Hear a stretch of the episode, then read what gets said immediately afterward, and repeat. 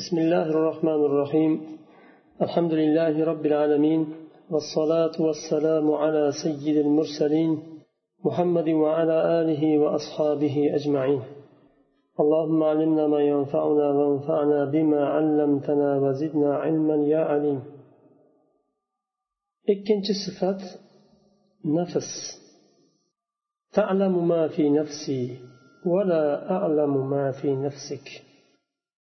Bu yerda nafs isbot qilindi alloh subhanahu va taoloda mana النفس ثابتة لله تعالى بالكتاب والسنة وإجماع السلف nafs sifati alloh subhanava taologa kitob bilan ya'ni qur'on sunnat va ijmo bilan salaflarning ijmosi bilan sobit bo'lgan alloh taolo qur'onda aytyapti kataba robbukum ala nafsihi rahma alloh taolo o'ziga rahmatni vojib qildi وقال عن عيسى عليه السلام إنه قال تعلم ما في نفسي ولا أعلم ما في نفسك sen mendagi narsani bilasan deyapti allohga iso alayhissalom men sendagi narsani bilmayman. قال النبي صلى الله عليه وسلم سبحان الله وبحمده عدد خلقه ورضا نفسه وزنة عرشه ومداد كلماته رواه مسلم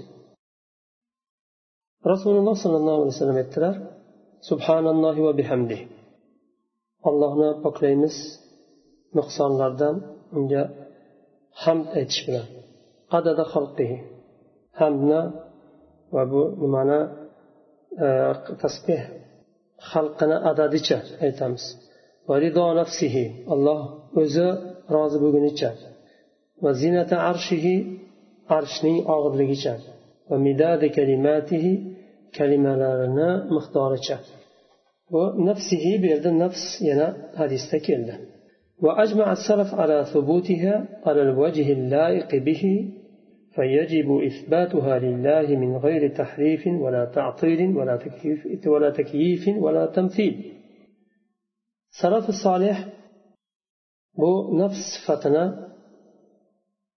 allohga sobit bo'lishiga ijmo qilishdi allohni o'ziga ulug'ligiga loyiq holda va buni isbot qilishlik bizga vojib bo'ladi tahrifsiz tatilsiz takyif va tamsilsiz keyingi sifat وجاء ربك هل ينظرون إلا أن يأتيهم الله to'rtinchi sifat maji alloh subhanava taoloni kelishi qiyomat kunida مجيء الله للفصل بين عباده يوم القيامة ثابت بالكتاب والسنة وإجماع السلف qiyomat kunida alloh taolo bandalarni o'rtasini ajratish uchun musulmon va kofir ahli jannat va ahli jahannamga va hukm qilish uchun qiyomat kuni keladi bu sobit bo'lgan qur'on sunnat va salaflarning ijmosi bilan قال تعالى وجاء ربك ربingiz kelsa هل ينظرون إلا أن يأتيهم الله؟ Ular alloh subhanahu va taoloni kelganini ko'radilar degan mazmunda وقال النبي صلى الله عليه وسلم حتى إذا لم يبق إلا من يعبد الله أتاهم رب العالمين متفق عليه رسول الله صلى الله عليه وسلم ettilar faqatgina allohga ibodat qiladiganlar qolgandan keyin alloh taolo robbil alamin ularni yoniga keladi bu endi uzun hadisnidan bir qismi bir juzi olindi o'sha ityanni isbot qilish uchun أجمع السلف على ثبوت المجيء لله تعالى فيجب إثباته له من غير تحريف ولا تعطيل ولا تكييف ولا تمثيل وهو مجيء حقيقي يليق بالله تعالى salaf solih bu sifatni alloh taologa isbot qilishdi va ijmo qilishdi buni haqiqiy sifat ekaniga. Va buni isbot qilish bizga ham vojib bo'ladi. Tahrif tatil taklif tamsilsiz. Alloh taoloni kelishi haqiqiy kelish kelishlik u majoziy emas. Allohga loyiq bo'lgan kelishdi uni inson bilmaydi kayfiyatini. biz bilmaymiz وقد فسره أهل التعطيل بمجيء أمره ونرد عليهم بما سبق في القاعدة الرابعة تعطيل أهل allohni kelishini olloh kelmaydi amri keladi hukmi keladi degan e, tavil qilishdi buni biz bu tavilni to'rtinchi qoida bilan rad qilamiz yuqorida o'tgan beshinchi qoida sifat rido rozi bo'lish sifati الرضا من صفات الله الثابتة له بالكتاب والسنة وإجماع السلف rozi bo'lish sifati alloh taoloda sobit bo'lgan qur'on bilan sunnat bilan va salaflarning ijmo bilan sobit bo'lgan roziyallohu anhum va radu anh alloh ulardan rozi bo'ldi va ular ham allohdan rozi bo'ldilar sahobalarni bu yerda haqida nozil bo'lgan oyat وقال النبي صلى الله عليه وسلم إن الله لا يرضى عن العبد أن يأكل الأكلة فيحمده عليها أو يشرب الشربة فيحمده عليها. رواه مسلم. رسول الله صلى الله عليه وسلم aytdilar alloh taolo bandasidan rozi bo'ladi agar ovqat yeganda ya'ni har qanday narsani yeganda ovqat bo'lishi shart emas. Meva bo'lsin boshqa bo'lsin yegandan keyin allohga hamd aytsa alloh shuni yedirgani uchun rizq qilib bergani uchun. Alhamdulillah desa va bir ichgandan keyin ham alhamdulillah desa alloh taolo bu bandadan rozi bo'ladi.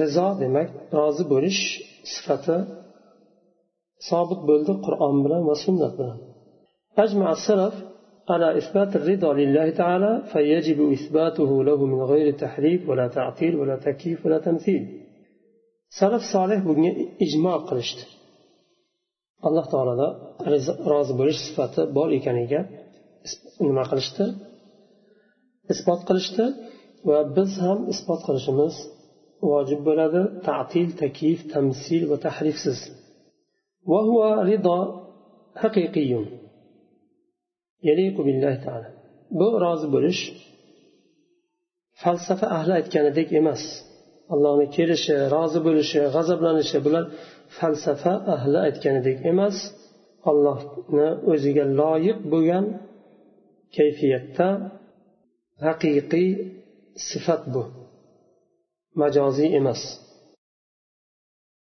وقد فسره أهل التعطيل بالثواب ونرد عليهم بما سبق في القاعدة الرابعة. تعطيل أهل لارة تعطيل أهل أهل لار أولا تأويل أهل لارة أسدا تأويل قلب الله نصفتنا أولا إنكار قلش على. أولا تفسير قلش ثواب بلان. يعني الله تعالى راضي بلاد ديانا يعني ya'ni savob beradi degan mazmunda deyishdi. Ho'p shuni agar savob beradi degan mazmunda bo'lsa hadisda alloh taolo hamd aytgan bandasiga savob beradi deyilardida hadisda. Boshqa lafz bilan aytib ya'ni ikkinchi lafz bilan aytib uchinchi ma'noni maqsad qilishda nima keragi bor edi oltinchi sifat muhabbat. sifati المحبة من صفات الله الثابتة له بالكتاب والسنة وإجماع السلف محبت qur'on va sunnat va salaflarning ijmo bilan sobit bo'lgan allohda sobit bo'lgan sifatlardandir alloh taolo aytdi فسوف يأتي الله بقوم يحبهم ويحبونه alloh taolo bir qavmni keltiradi o'zi yaxshi ko'rgan ya'ni alloh taolo ularni yaxshi ko'rgan va ular ham allohni yaxshi ko'rgan bir qavmni keltiradi alloh taolo demak allohda muhabbat ya'ni haligi yaxshi ko'rish sifati bor ekan solih bandalarni yaxshi ko'radi وقال النبي صلى الله عليه وسلم يوم خيبر لأعطين الراية غدا رجلا يحب الله ورسوله ويحبه الله ورسوله muttafaqun alayhi bo'lgan hadis. Haybar kunida rasululloh sollallohu alayhi vasallam aytdilar ertaga man bayroqni bir kishiga beraman. Allohni va rasulini yaxshi ko'rgan va olloh va rasuli uni yaxshi ko'rgan bir kishiga beraman dedilar bayroq bu yuqorida bir oyat bir hadis keldi. endi salaflarni ijmo أجمع السلف على ثبوت المحبة لله يجب يحب ويحب فيجب إثبات ذلك حقيقة من غير تحريف ولا تعطيل ولا تكييف ولا تمثيل salaf solih ijmo qilishdi alloh taoloda muhabbat ya'ni yaxshi ko'rish sifati bor ekaniga chunki qur'onda hadisda keldi aslida biz bu narsalarni hech bilmasdik oldindan Islomdan avval bu narsalarni biz bilmasdik. Qur'on sunnat bizga o'rgatdi. Qur'onda sunnatda kelgan narsani biz isbot qilishga majburmiz. Yuhibbu va yuhabbu. Alloh taolo yaxshi ko'radi va yaxshi ko'riladi ya'ni alloh taoloni yaxshi ko'radi band solih bandalar. Buni isbot qilish vojib bo'ladi. Haqiqatan isbot qilish haqiqiy sifat deb majoziy emas. Tahrif ta'til takyif va tamsilsiz. وهي محبة حقيقية تليق بالله تعالى bu haqiqiy sifat allohga loyiq bo'lgan o'zini o'ziga ulug'ligiga loyiq bo'lgan bir sifat bu sifatlar insonlarda ham bor masalan yaxshi ko'rish inson ham yaxshi ko'radi farzandlarini ota onasini do'stlarini yaxshi solih solih insonlarni lekin farqli insonni o'ziga mos qilib yaratilgan bu sifatlar. Alloh taolo bizda bu sifatlarni yaratdi bizga mos qilib yaratdi. Ya'ni hammani nima hammadagi bu sifat ayni bizdagidek bo'lishi shart emas. Bo'lib ham xoliq yaratguvchini sifati aniq komil va ulug'ligiga xos bo'ladi. Biz noqis nuqsonli yaratildik.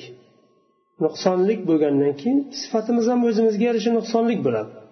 Alloh taolo nuqsonsiz komil bo'lgandan keyin sifati ham o'ziga yarasha nuqsonsiz komil bo'ladi.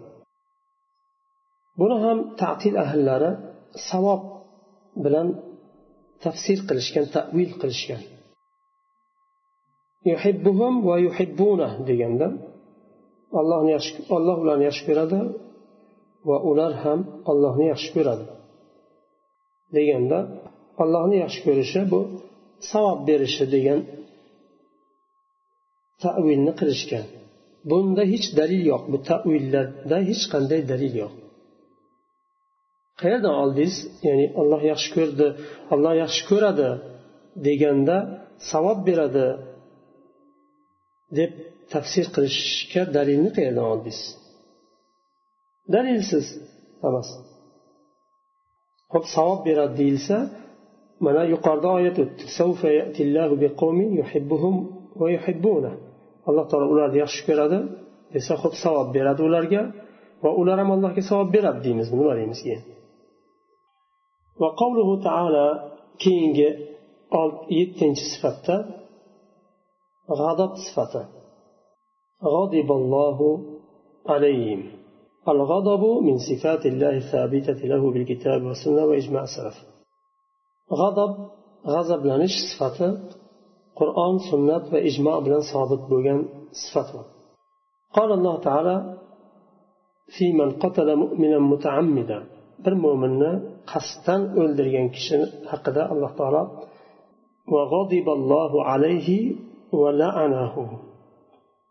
alloh taolo undan g'azablandi yo g'azablanadi va la'natlaydi uni وقال النبي صلى الله عليه وسلم إن الله كتب كتابا عنده فوق العرش إن رحمتي تغلب غضبي متفق عليه rasululloh sollallohu alayhi vasallam aytdilar alloh taolo arshning ustida shunday kitob yozdi Shunday kitob derkan yozilgan narsa ya'ni so'z yozdi. Inna rahmati tag'ribu g'adabi meni rahmatim g'azabimdan g'olibdir degan mazmunda bu arshni ustida shunday yozdi alloh taolo. Demak rahmat ham isbot qilindi g'azab ham isbot qilindi. أجمع السلف على ثبوت الغضب لله تعالى فيجب إثباته من غير تحريف ولا تعطيل ولا تكييف ولا تمثيل وهو غضب حقيقي يليق بالله. سلف صالح بو صفتنا غضب صفتنا الله تصابت ekaniga ijmo qilishdi va uni isbot qilish vojib bo'ladi tahrif tatil takyif tamsilsiz va bu haqiqiy sifat haqiqiy g'adob allohni o'ziga loyiq bo'lgan shaklda. وفسره أهل التعطيل بالانتقام ونرد عليهم بما سبق في القاعدة الرابعة بوجه رابع أن الله تعالى غاير بين الغضب والانتقام قال الله تعالى فلما آسفونا تأويل أهل g'azabni intiqom deb tafsir qilishdi tavil qilishdi. O'ch olish. Alloh taolo g'azablanmaydi lekin o'ch oladi. G'azab sifati yo'q dedi biz yana shu to'rtinchi qoida bilan rad qilamiz. Alloh taolo g'azab bilan intiqomni o'rtasini qur'onda ajratdi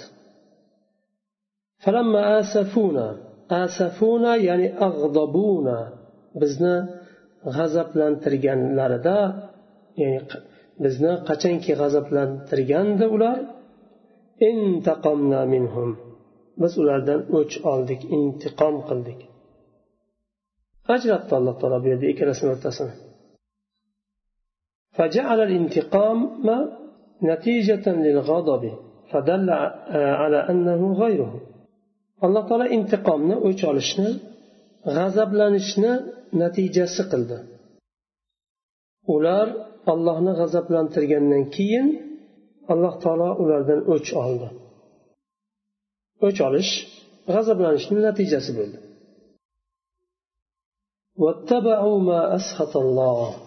suxt bu ham g'azab ma'nosida sakkizinchi sifat السخط من صفات الله الثابتة بالكتاب والسنة وإجماع السلف bu ham bu sifat ham allohga qur'on sunnat va ijmo bilan sobit bo'lgan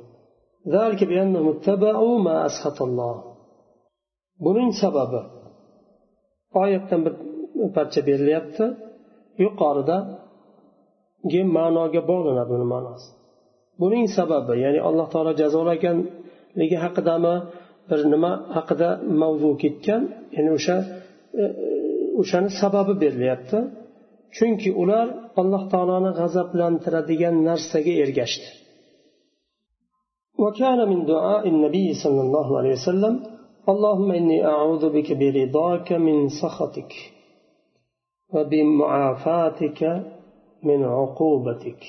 مسلم تخرج قيام حديثنا أي اللهم رسول الله صلى الله عليه وسلم في دعاء قلنا أي اللهم من سنة رازلقين رازلقين بلان غزبين بلان سليمان ofiyating bilan uqubatingdan panoh so'rayman أجمع السلف على ثبوت السخط لله فيجب إثباته له من غير تحريف ولا تعطيل ولا تكييف ولا تمثيل وهو سخط حقيقي يليق بالله salaf solih bu sifatni alloh taoloda sobit ekaniga ijmo qilishdi va uni isbot qilish tahrif tatil taklif tamsilsiz isbot qilish vojibdir Va bu haqiqiy allohga loyiq bo'lgan bir sifatdir. Allohga loyiq bo'lgan shaklda kayfiyatda.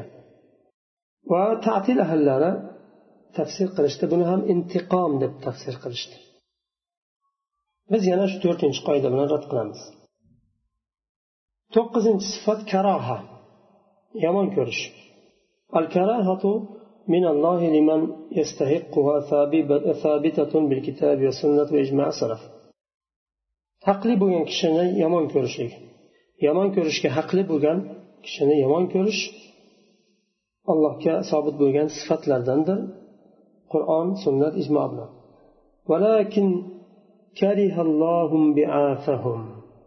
lekin alloh ularni chiqishini karih ko'rdi qur'on bilan sobit bo'ldi وقال النبي صلى الله عليه وسلم إن الله كره لكم قيل والقال وكثرة السؤال وإضاءة المال رواه البخاري buxoriy tahrij qilgan hadisda rasululloh sollallohu alayhi vasallam aytdilar alloh taolo karih ko'rdi yomon ko'rdi ya'ni karih ko'rdi sizlarda qiyil va qolni mish mish so'zlarni va ko'p savol berishni va molni isrof qilish bekorga ketkazishni alloh taolo karih ko'rdi وأجمع السلف على ثبوت ذلك لله فيجب إثباته من غير تحريف ولا تعطيل ولا تكييف ولا تمثيل وهي كراهة حقيقية من الله تليق به salaf solih ijmo qilishdi buni allohda sobit ekaniga